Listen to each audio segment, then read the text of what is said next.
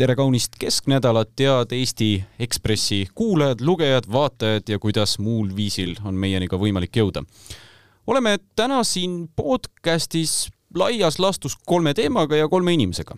vaatame Ukrainat, vaatame Eestit ja meie oleme siin, mina olen Joosep Tiks ja minuga on stuudios Indrek Lepik. tere! ja Andrei Vostov. tere! ja vaatame kohe esialgu meie suurt intervjuud, mis meil lehes on. Andrei, sa oled saanud kokku ühe kuulsa inimesega, kes tuli otse Ukrainast. sina said kokku äh, Petro Porošenkoga, kes ja, on endine Ukraina president. täpselt nii ja kes on seniajani mõjukas poliitik Ukrainas, aga peale sellega tundub, et selline küllaltki oluline sõjapealik kõlab halvasti. aga ütleme niimoodi, et militaarsete struktuuridega seotud inimene ta käis Eestis äh, mõningast relvastust hankimas, nagu me, no muuseas, äh, mina teda kätte ei saanud, vaid see oli hoopiski Hans Šasluik, kes ta kätte sai kuidagi mm, ilmselt oma poliitiliste, poliitiliste sõprade kaudu. ja siis Porošenko oli nii lahke, et andis meile Inteka. kirjelda teda, milline ta inimesena on või mis mulje ta sulle jättis? no tegemist on, eks ole, Ukraina endise presidendiga, kes on olnud ka välisministri ametis, kes on olnud ka Ukraina Julgeolekunõukogu esimees, ühesõnaga väga olulistel positsioonidel riigis, mis on hästi-hästi keeruline sisepoliitilistelt oma konfiguratsioonidelt, mis tähendab seda, et, et, et nõrguke ta olla ei saa, ei olnudki, selline ütleme, väga võimas alfaisane, kes siis äh, täpselt teadis, mis ta tahtis öelda ja kellel oli siis kõik nagu viimase vindi peal välja mõeldud, alates välimusest. et noh, et nüüd on sõdiva riigi poliitikud muidugi ei tohi käia sellistes heades ülikondades ja valgetes särkides, et Porošenkol oli seljas siis selline rahvusmotiividega T-särk, jalas tavalised tossud, samamoodi nägid välja tema saatjaskond, seal olid mõned, mõned sellised noored heas füüsilises vormis mehed.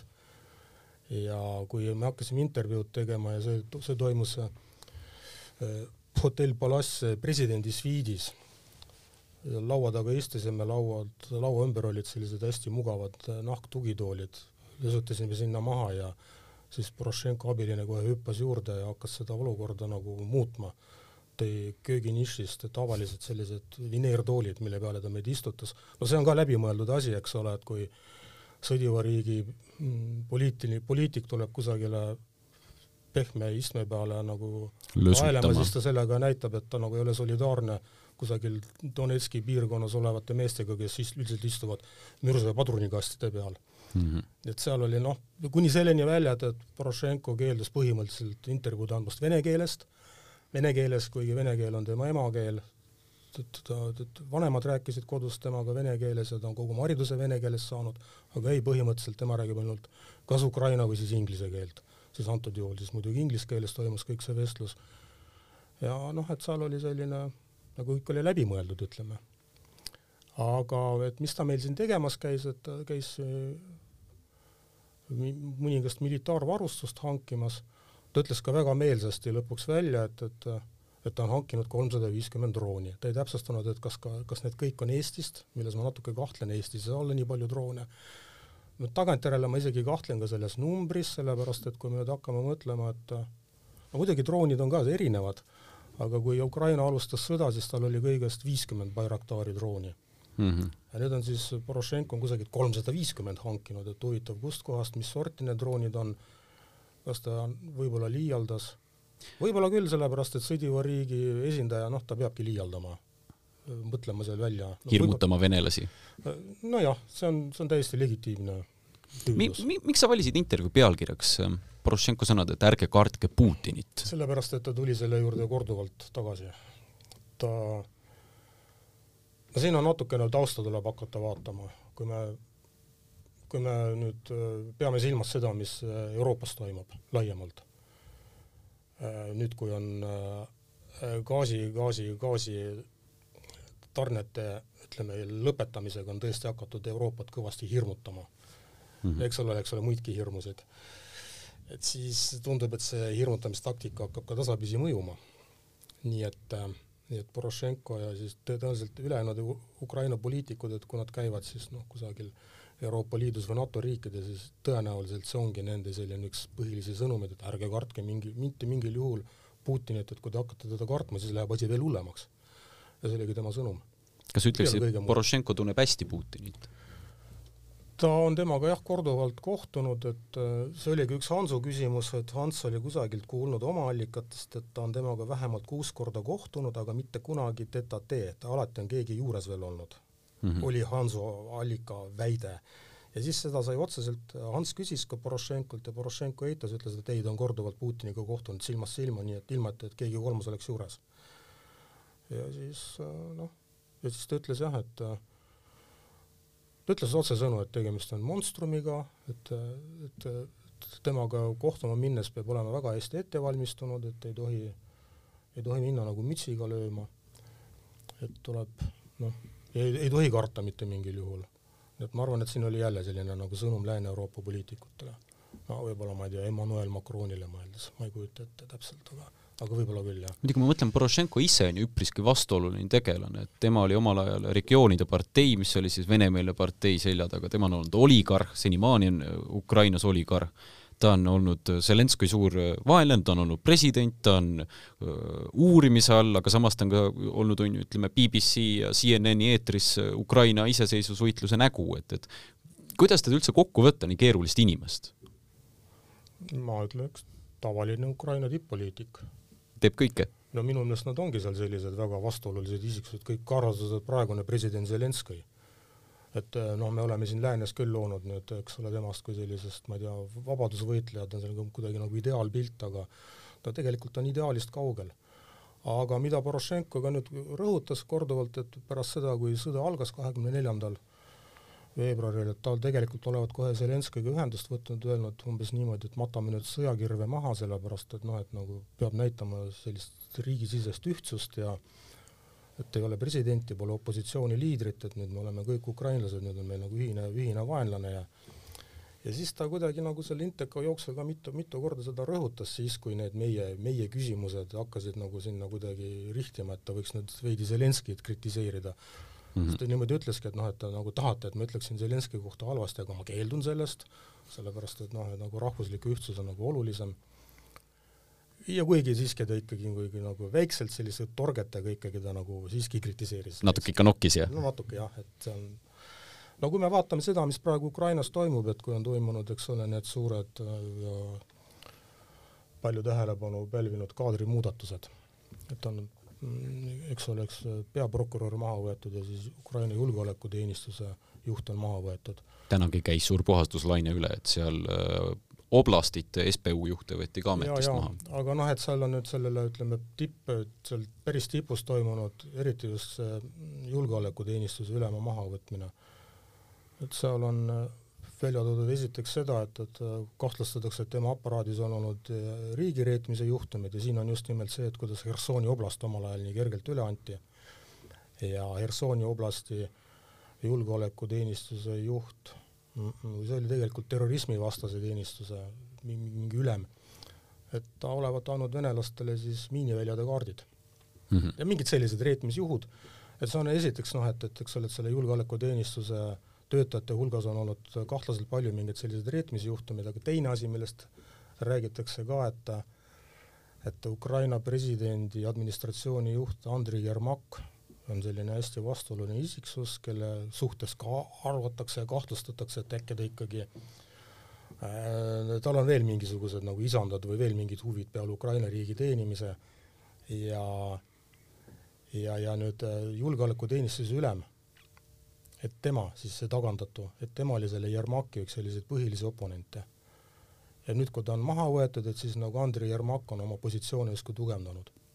et see on selline, ütleme, presidendi aparaadis või seal tema lehekonnas toimuvate inimeste justkui mingisugune omavaheline võitlus, mis on ka täiesti tüüpiline Ukrainale, ja sõda aga sõja ajal see on ikkagi ja, väga jah, kohtlik. jah, et aga et ikkagi need asjad kuidagi nagu ikkagi keevad, keevad üles, need et olgu sõda või, või, või, või ükskõik mis asi tahes, aga mingisugused vanad viimad, vanad vaenud, et no need ei kao mitte kusagile.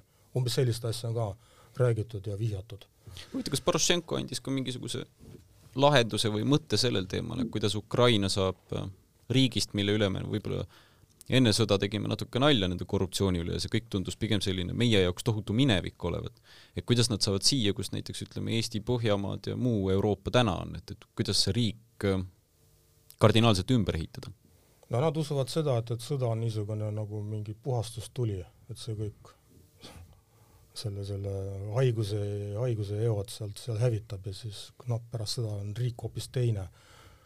ma ei tea, see on natukene idealistlik jutt, aga aga noh, kes teab, kes teab. Porošenko muidugi, ta nagu rõhus sellele, et see oli ka Hanso küsimus, et et siis, kui sõda ükskord lõpeb ja algab riigi taas üles, ülesehitamine ja on ju räägitud palju sellest, et see peaks toimuma sellise uue Marshalli plaani järgi, tuletan kuulajatele meelde, et Marshalli plaan oli see plaan, millega pärast teist maailmasõda Lääne-Euroopa, iseäranis Saksamaa üles ehitati. et Ukraina suhtes võiks ka rakendada midagi sellist, uut rahvusvahelist Marshalli plaani ja siis Hansu murelik küsimus oli, et, et noh, et kui Ukrainas hakkab meelama, voolama meeletult raha. kuhu see läheb? Just nimelt, et kes siis no nagu tagab selle, et, et seal nagu, nagu pihta ei panda kusagil, ma ei tea, mingite lokaalsete oligarhide poolt. siis Porošenko võttis seda küsimust väga-väga tõsiselt, no tõenäoliselt talle kui Ukraina poliitikule on seda ka esitatud mujalgi, et kuidas mm -hmm. te selle tagate ja siis ta kuidagi väga elektriseerus ja hakkas rääkima, et kuidas seda kõike tagada ja igatahes tema, temas ütleme, retsept on see, et et nende abirahade või riigi taastamisrahade jagamise õigust ei tohi anda Ukraina poliitikutele ja Ukraina ametnikele, vaid see peab käima kuidagi teistmoodi. ühesõnaga luua mingid sellised skeemid, et noh, korruptsioonil lihtsalt poleks kohta või poleks pinnast umbes, et Euroopast tulevad mingid nõukogu liikmed ja paia, passivad peale, hoiavad silma peal või? see oleks jällegi võib-olla, ma ei tea, rahvuslikule sellisele eneseväärikusele nagu löök, seda enam, et Kremlis ju pasundatakse juba aastakümneid, et yeah. Ukraina ei, ei ole üldse mingi riik, vaid see on mingi välisjuhtimise all. ja kui nüüd tõesti kusagilt Ameerikast või Euroopast tuleksid emissarid, kes hakkaksid juhtima Ukraina taastamist, siis noh, et siis see leiaks nagu kinnitust.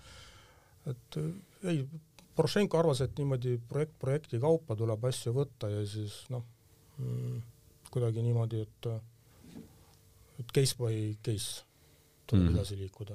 Võt-, võtame iga sel-, sellise ülesehitamise juhtumi eraldi ja siis selle rahastamine noh, mingisuguste selliste läbipaistvate mehhanismidega ja mm, ilmselt see on mingisugune selline küsimus, mida peaks arutama rohkem majandusinimestega, juristidega, mitte mm. minusuguse poliitikavaatlejaga mõtlen viimaks, küsin Porošenko kohta seda, et huvitav, kui ta lihtsalt tänaval vastu kõnniks, oleks oma nendesamades sõjaväeriietes või mis tal seljas olid, kas sa tunneksid ära, et see on Petro Porošenko või lihtsalt mõtleksid, ah, mingi suvaline tüüp mm, tänavalt? noh, kuna tal oleks ümber kaaskond, siis ütleme no neid üksikult, arvestamata. kui ta üksikult kõnniks, siis äkki ei tunnekski. aga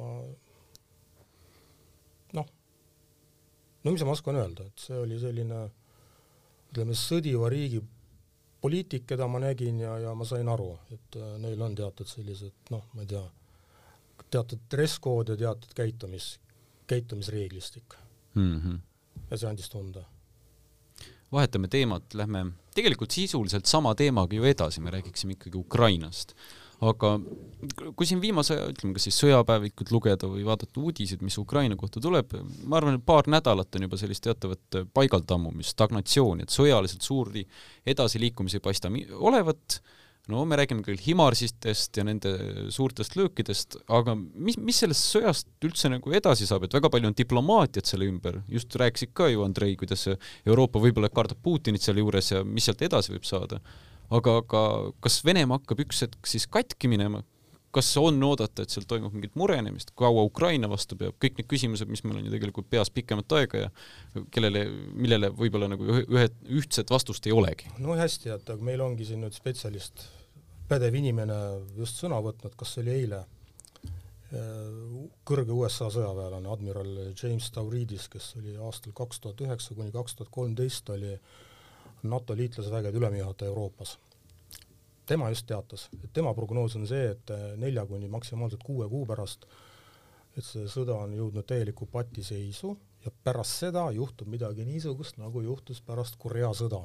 tuletame meelde, tuhat üheksasada viiskümmend kuni viiskümmend kolm Korea poolsaarel möllas sõda ja selle sõja tulemusena riik jagati kaheks ja see, ja see on seniajani niimoodi ja need mõlemad riigi osad, nad on tegelikult ütleme, noh, nad ei ole rahu sõlminud, nad on ikka veel sõjaseisukorras ja see on kestnud juba mitu põlvkonda ja midagi niisugust, et tema arvates võib juhtuda ka Ukrainas, sellepärast et noh, et venelastel pole enam jõudu mm, peale tungida ja ukrainlastel ei ole jõudu okupeeritud alade vabastamiseks.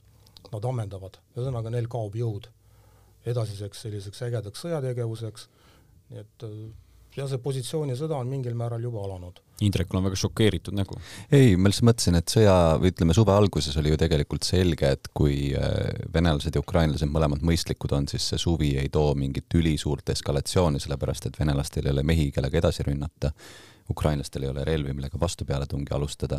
Ja tegelikult mõlemad koguvad nii-öelda rasva sügiseks, et pigem see jah, otsustav moment on see sügis ja, ja just sellesama ka poole aasta lõikes, eh, millele Andrei viitas, et, et, et tegelikult siin on ka mõnes mõttes nagu Euroopa ja ameeriklaste jaoks hästi selline strateegiline moment, et eh, kui praegu ikkagi needsamad HIMARS-id või mingid muud olulised relvad, mis on aidanud tegelikult ukrainlastel väga palju juba rünnata Vene positsioone, et et, juhul, kui seda suudetakse tugevdada, siis tegelikult praegu on see aeg vastupealetungiks. küsimus on lihtsalt, eks ole, mis need panused on ja mis juhtub Ukrainaga siis, kui see vastupealetung peaks eh, ebaõnnestuma.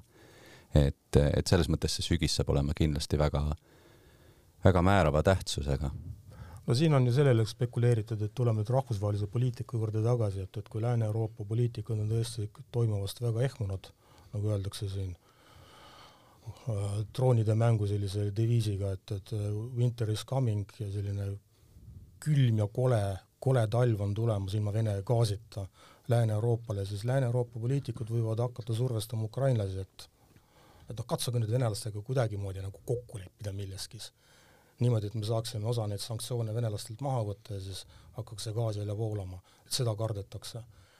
ja kui on kui on, kui on Euroopa poliitikutel on mingisugune noh, selline tagamõte, tiksub kusagil kuklas, siis järelikult, et see nüüd natukene hakkab juba muutuma konspiratsiooniteooriaks, siis on ka no need Euroopa riigid, kes on seni tarninud Ukrainale vajalikku relvastust, et nad võivad seda relvastuse voolu ka natukene no nagu, nagu vähendada niimoodi, et Ukraina ei saaks võita muidugi siin Resnikov täna just teatas, et eh, oh, kohe tulevad USA-st meile suured, suured uudised, et ma veel ei avalikusta, aga kindlasti mingi hea uudis on tulemas no,. tema on, tema on sõdiva riigi kaitseminister ja ta peabki rääkima sellist et see on pigem nagu propaganda natukene. ei no aga USA-st, Suurbritanniast, Poolast neid relvi kõige rohkem tuleb, et eh, see, mida Saksamaa teeb, on oluline, aga mitte määrav, et et, et ega sellest lähtub ka tegelikult ju selle Ekspressi juhtkiri, mille autoriks ma olin, et, et, et sisuliselt ongi ikkagi küsimus selles, et Saksamaa ei saa tuua oma probleemide äh, ohvriks äh, Ukraina vabaduse püüdlus, eks ole, et tundub võib-olla niisugune natukene nagu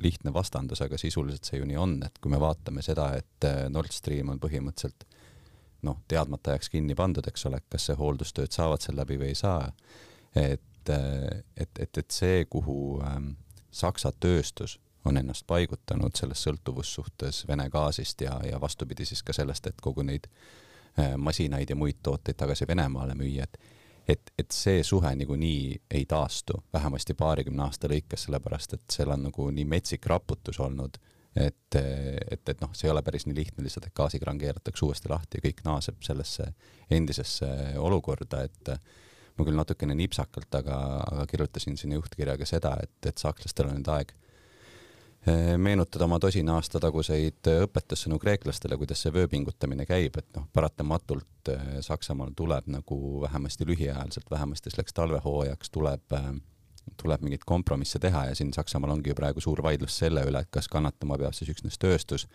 või peavad ka eratarbijad, kodutarbijad mingeid kompromisse tegema, et kuidas seda piiratud hulgal gaasi siis omavahel jagatakse, aga, aga noh, naiivne oleks tõesti arvata, et see sisepoliitilisi pingeid Saksamaal või teistes Euroopa riikides ei tekitaks. muidugi siin me võtame eeldused justkui Lääne-Euroopa kohe murdub, Ukraina kohe murdub, aga samal ajal ega Venemaal ju ka kerge ei ole, et kui me vaatame, et nagu vot siin ongi, tuleb, tulebki nüüd, et et kumb enne kukub, on pigem see küsimus. teated, teated Venemaalt nagu annavad märku, et, et Putin tunneb ennast väga reipalt tal on tunne, et tema, ta on olukorra peremees. no ta tundis ennast reipalt ka siis, kui ta sõda alustas, et, et jah, aga ongi, et, et nüüd võtame kõik need asjad kokku, et esiteks ta on mm,, ühesõnaga, et see, et see, et Ukrainas tal eriti hästi ei lähe, see ei ole põhjustanud mitte mingisuguseid suuri rahvarahutusi Venemaal. et nagu unustame selle ära, et, noh, et vene rahvas võiks tulla tänavatele, valitsuse kukutada, ei tule tänavatele, ei kukuta. sealt ei tule mingisugust ohtu. ta võib jätkata seda äh, mitte, mitte, mitte, ütleme, mitte eriti nutikat sõjapidamist tohutute kaotustega Ukrainas, vene rahvas elab selle üle. nüüd tundub, et Lääne-Euroopas on noh, nagu mingisugused muudatused hakanud toimuma.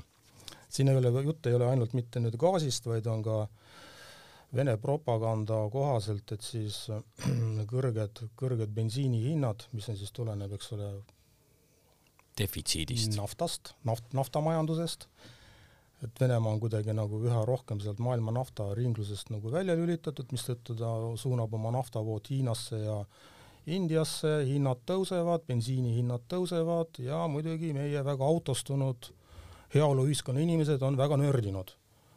Ja nüüd äh, Vene propaganda kohaselt, see on täitsa omaette selline muidugi teema, et, et kas see ka vastab tõele, see on viinud äh, Suurbritannias peaministri tagandamisele, Boris Johnsoni tagandamisele, see on viinud äh, Itaalias mm, poliitilise kriisini. Draghi ja nii edasi. muuseas, venelaste, Vene propaganda kohaselt ka Kaja Kallase valitsuse langemine näiteks on üks, üks osa sellest.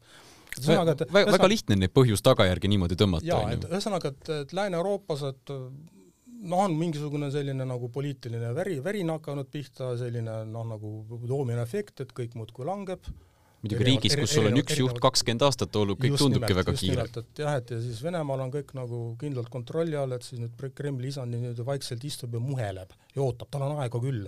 ta arvab, et aeg töötab tema kasuks ja mitte, mitte lääne, lääne, läänemaailma kasuks. mina arvan, et asi, mis Putinit võib-olla hakkab tõesti, nii kui me kardame, et sügisel läheb Euroopas energiaga kehvasti, siis tegelikult ega see energia, mida me ostame, annab ju Putinile, andis vähemalt vanasti raha ja tööd ja kõike sellist.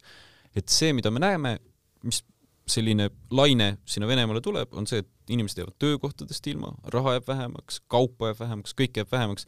iseasi, kui palju Hiina ja India seda on ju kõik asendada suudavad. ja, ja see mure ei ole, ma arvan, isegi niivõrd mitte Venemaal. Putin suudab asendada seda, mis seal kõik on, raha kas või maksta inimestele peopesa peale, et ole rõõmus ja tore, aga Venemaal töötab ju miljonid ja miljonid inimesi Kesk-Aasiast, Kaukaasiast, piirkondadest, mis justkui on Venemaa mõju all ja, ja kui need rahakraanid kinni keeratakse, siis Putin on uue probleemi otsas. Need riigid, mis sõltusid temast varem, on järsku väga pahased ta peale. ja ma, ma, ta peab mitmel rindel tegutsema hakkama. Jah, see on see jõujoonte ümbermängimine Kesk-Aasias üks suur teema tegelikult, et äh, on, olgu seal Hiina kombitsad või äh, või, või ka ütleme, piirkondlikud äh, suurjõud nagu ka Iraan, eks ole, et, et, et kelle nagu huvi seal äh, maksma hakkab, sellepärast et kui me vaatame ka näiteks äh, Kasahstani riigipea tegevust, et siis seda venelaste nagu endist haaret kindlasti seal ei ole ja, ja noh, ka Türgi, eks ole, sealsamas piirkonnas tegelikult tunneb huvi ja nii edasi ja Andrei on tegelikult sõja alguse poole sellest ka huvitavalt kirjutanud. et, et selles mõttes jah seal on nagu, Putin võib tunda, et see aeg mängib tema kasuks, aga aga kui me vaatame nagu Venemaa riigi nagu sellist pikaajalist trajektoori, siis, siis see on ikkagi nagu hääbumise trajektoor, sellepärast et äh, ta oli juba enne kehv nagu Venemaa üleüldise demograafilise situatsiooni tõttu ja, ja ka selle autokraatliku valitsemise tõttu, mis, mis tegelikult ei lase majandusel vabalt areneda. aga, aga kui me võtame seda ajude väljavoolu ja ja, ja seda üleüldist nagu majanduslikku stagneerumist, mis tekib just seetõttu, et ei ole ma ei tea, Saksa masinaid ja, ja muid nagu kõrgtehnoloogilisi varuosi lennunduses või autotööstuses või, või farmaatsiatööstuses või kus iganes neljandas sektoris, et siis tegelikult see pikaajaline trajektoor Venemaa jaoks on väga kehv ja, ja mõnes mõttes, kui niimoodi lihtsalt seda asja vaadata, siis äh, Euroopal on lihtsalt jubedasti tarvis see külm talv üle elada ja närvi hoida, et, et tegelikult äh, kui peaks niimoodi nagu panema, et kelle kasuks aeg töötab, siis ma näeksin ikkagi Venemaa kahjuks ja, ja Euroopa ja lääne kasuks.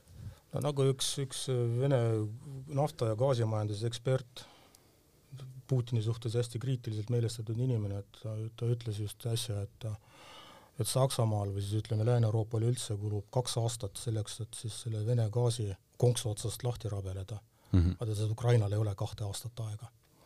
nii et siin on tegelikult, siin käibki praegu mingis mõttes nagu võidujooks, et või mitte võidujooks, vaid ütleme, kellel saab enne võhm otsa. ja Putin on kindel, et temal jah, võhma jätkub rohkem. sest üldse noh, et kui nüüd rääkida sellest, et mis plaanid tal olla võiksid, siis viieteistkümnendal tuli kokku ju Venemaa Julgeolekunõukogu ja sealt oodati mingisugust suurt sensatsiooni, et kas ta kuulutab ametlikult välja sõja või üldmobilisatsiooni ei teinud ta ühte ega teist.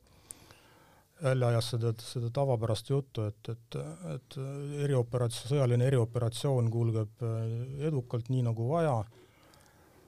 ja ta ütles, et mingeid tähtaegasid ei ole. nii et siit võis nagu järeldada seda, et, et erioperatsioon on selline permanentne asi. Et naljahambad hakkasid kohe meenutama Vene suurt revolutsiooniteoreetikut ja praktikut Lev Davidovitš Trotskit, kes leiutas selle permanentse maailmarevolutsiooni idee, et samamoodi siis see Venemaaga pidevas sõjas nüüd, jah? pidevas sõjas, et, et nagu tundub just nagu, et eesmärk pole oluline, protsess on oluline. et kui sul, sul on pidev sõda, siis sa saad ühiskonnas, no nagu ma ei tea, igasuguse teisitimõtlemise ära keelata, kõik kinni suruda, kõik kinni kruvida, kõik see retoorika, et et Venemaa peab muutuma ka tehnoloogilises mõttes selliseks iseseisvaks üksikuks saareks kõrgtehnoloogias ei saa, ei tohi sõltuda läänest, et kõik tuleb omaenda jõududega nüüd uuesti üles ehitada, et siis mingid sellised jutud, hästi patriootilised, ütleme, vene lihtsa inimese sellist enesearmastust kõditavad jutud, need praegu aina kõlavad, aga kui nüüd rääkida nendest Ukraina plaanidest, siiski tundub, et mingisugune plaan on. ja paistab niimoodi, et see on juba kevadel mm, Kirenko, kes praegu kureerib Ukraina asja, et ta justkui nagu käis välja mingi sellise mõtte et esimene samm Ukraina poliitikas Venemaa poolt, et siis soosidagi seal okupeeritud aladel mingi niinimetatud rahvavabariikide teket, nagu no ma ei tea, Hersoni rahvavabariik. mida pikemat aega siin välja kuulutatakse. jah, aga neid rahvavabariike mitte liita Venemaaga, vaid nendest rahvavabariikidest moodustada siis mingisugune uus Ukraina või alternatiivne Ukraina. Ida-Saksamaa. midagi sellist ja siis see alternatiivne Ukraina võtta siis slaavi riikide ehk siis Venemaa, Valgevene ja siis nüüd selle uue õige Ukraina siis nagu ühendliit ja pärast seda on siis loodud selline uus poliitiline konfiguratsioon ja siis võib nii ÜRO-s kui ka ma ei tea, lääneriikidega suheldes nagu teha sellist imestunud nägu, et noh, aga Ukrainas on nagu kaks riiki. et on see Lääne-Ukraina, mis on meie arvates täitsa vale, ja siis on see õige Ukraina aga miks, miks te ei tahaks nagu suhelda tea, oma suhted arendada selle õige Ukrainaga mm? -hmm. ja siis ongi, et no nagu Korea poolsaare jagamine, nagu kunagi oli Saksamaa jagamine, et sa lood selle sellise poliitilise uue sellise nagu mingisuguse ühiku maailmakaardile ja siis hakkad sellise süüta näoga küsima, aga miks te ei taha siis nagu selle ja siis küsid, et miks te kiusate slaavlasi maailmas taga, on ju. no nagu üleüldse jah, siis seal on, muidugi on ka spekuleeritud, et kui selline uus riik, uus Ukraina luua, siis selle peaks olema pealinn ajalooliselt äh, Harkov oli aastatel tuhat üheksasada üheksateist kuni tuhat üheksasada kolmkümmend neli oli Ukraina NSV pealinn mm. -hmm ja nüüd on nagu noh, nagu ka täheldatud või nagu siis kui Vinnitsa oli vabariigi pealinn, jah. kas nad võivad, venelased, kas nad võivad siis nüüd, ma ei tea, kogu oma jõu kokku võtta, ikkagi proovida uuesti Harkov, Harkov kuidagi nagu ümber piirata või ära vallutada, milleks neil tõenäoliselt jõudu ei ole. aga nad võib-olla üritavad seda, sellepärast on vaja mingisugust nii-öelda väärikat pealinna sellele mm -hmm. uuele poliitilisele moodustusele. Praegu Mariupoli enam järel ju pole puht jah, puhtad spekulatsioonid muidugi, aga, aga, aga vaat sellest Ukraina sõjast ja Venemaa plaanidest rääkides paraku me kogu aeg ainult mingite spekulatsioonide no aga ega, ega isegi libiseme. otsustajad ei tea, mis tulevik tuleb, sest neid faktoreid ja muutujaid on nii palju no,. täpselt, täpselt ja tundub, et Kremlis on ka tegelikult on võib-olla kolm-neli-viis erinevat plaani, et kui üks plaan läbi ei lähe, siis ta heidetakse kõrvale, aga ta ei kriipsutata läbi, ta pannakse lihtsalt mingi ooterežiimi mm. -hmm et võib-olla et äkki lähme uuesti Kiievi peale? võib-olla see, jaa, võib-olla seal on ka tegelikult see algne plaan, et üldse kogu Ukraina ära vallutada, et ka see ei ole mitte kusagile kadunud. et selles mõttes, et diktaatoril on praegu ikka väga mugav, noh, selles mõttes äh, nii maailma üldsust äh, kuidagi ära lollitada kui oma rahvast manipuleerida, et äh, ta ei ütle, mis need lõplikud eesmärgid on ja sellepärast, et ükskõik, mis ta lõpuks ei saavuta, ta võib ka öelda, et aga see oligi minu eesmärk. härrad, ma võtaks viimased paar minutit ette meie uue valitsuse, mis nüüd siis kokku sai. mõni naljahammas on seda juba Parvel Pruunsilla valitsuseks kutsunud, uued ministrid määranud. Ehm, ma ei tea, tundub selline Harju keskmine valitsus minu arust, midagi nagu katki ega hullu ei ole ju nojah, eks neid üllatusnimesid seal valitsuskabinetis on üle käidud, eh, nagu sa ütlesid, Pruunsilla mehed ja naised eh, Isamaa poolt, aga aga lõppkokkuvõttes sellel valitsusel on jah, üks seitse kuud valitseda ja, ja sellest märkimisväärne osa on juba valimiskampaania, et ega peamine küsimus ongi nüüd, et kas see valitsus suudab siis selle sügistalve üle elada, mille eest meid nii väga hoiatatud on, et äh, suuremas osas igasugused toetusskeemid ja muud asjad on nad kokku leppinud, see, mis saab eestikeelsest haridusest või mingitest muudest suurtest teemadest, ega sisuliselt need, see valitsus ei otsusta selle üle, et nad teevad küll eelarve, eelarvestrateegia ja, ja järgmise aasta eelarve, aga aga sisulises mõttes on nende ülesanne lahendada päeva, päevakajalisi probleeme ja, ja, ja selles küsimuses on jah, see ütleme nii, et see külm talv on kõige suurem küsimus. Kallas ka siin Ekspressile antud intervjuus tundus kuidagi selline alistunud minu arust, sest äh, Jaagant küsis talt, meie ajakirjanik Urmas Jaagant küsis talt siis, et äh, noh, mis, kuidas siis rahakotiga, rauaga saab, et miks seda nii, laristamist nii palju on ja juba mõned ministrid äh, heidavad mingeid ideesid, näiteks see Peep Petersoni idee makse tõsta avalikkusse, et mis, mis polnud üldse kokku lepitud, et ja Isamaa pani natuke naljaka ministrid, et mis siis sellest kõigest saab ja noh, kui ma nüüd kokku võtan selle Kallase erinevad vastused, need olid umbes sellised, nojah, las ta siis olla, et nii on, et teeme parima, mis me suudame ja lähme siit edasi, et, et tundub, et see ongi selline täi-, täielik vahevalitsus nojah, aga mis see, mis see lahendus ongi, et sisuliselt on küsimus, et eh, kas tuleb siis see valitsus või oleks tulnud siis Isamaa teise otsuse korral Keskerakonna, EKRE ja Isamaa omavaheline koalitsioon, et, et mingi valitsus sellel riigil peab olema. keegi erakorralisi valimisi paistab ei soovinud.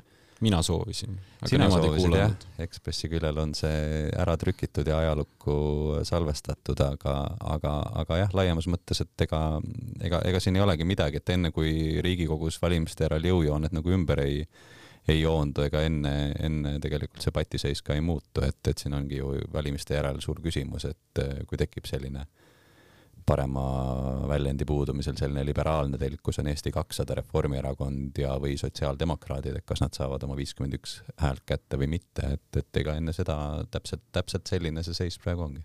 tsiteerides Henn Põlluaasa, siis kui ta pikalt võideldud, võideldud eh, abielureferendumi lihtsalt maha koputas, sest hääli ei tulnud kokku. nojah, mis seal ikka aga selle peale lõpetame selleks nädalaks, aitäh, et olite stuudios ja teinekord äh, Ekspressi kuulajad, kuuleme, vestleme teiega jälle, ehk siis nädala pärast uuesti. tänan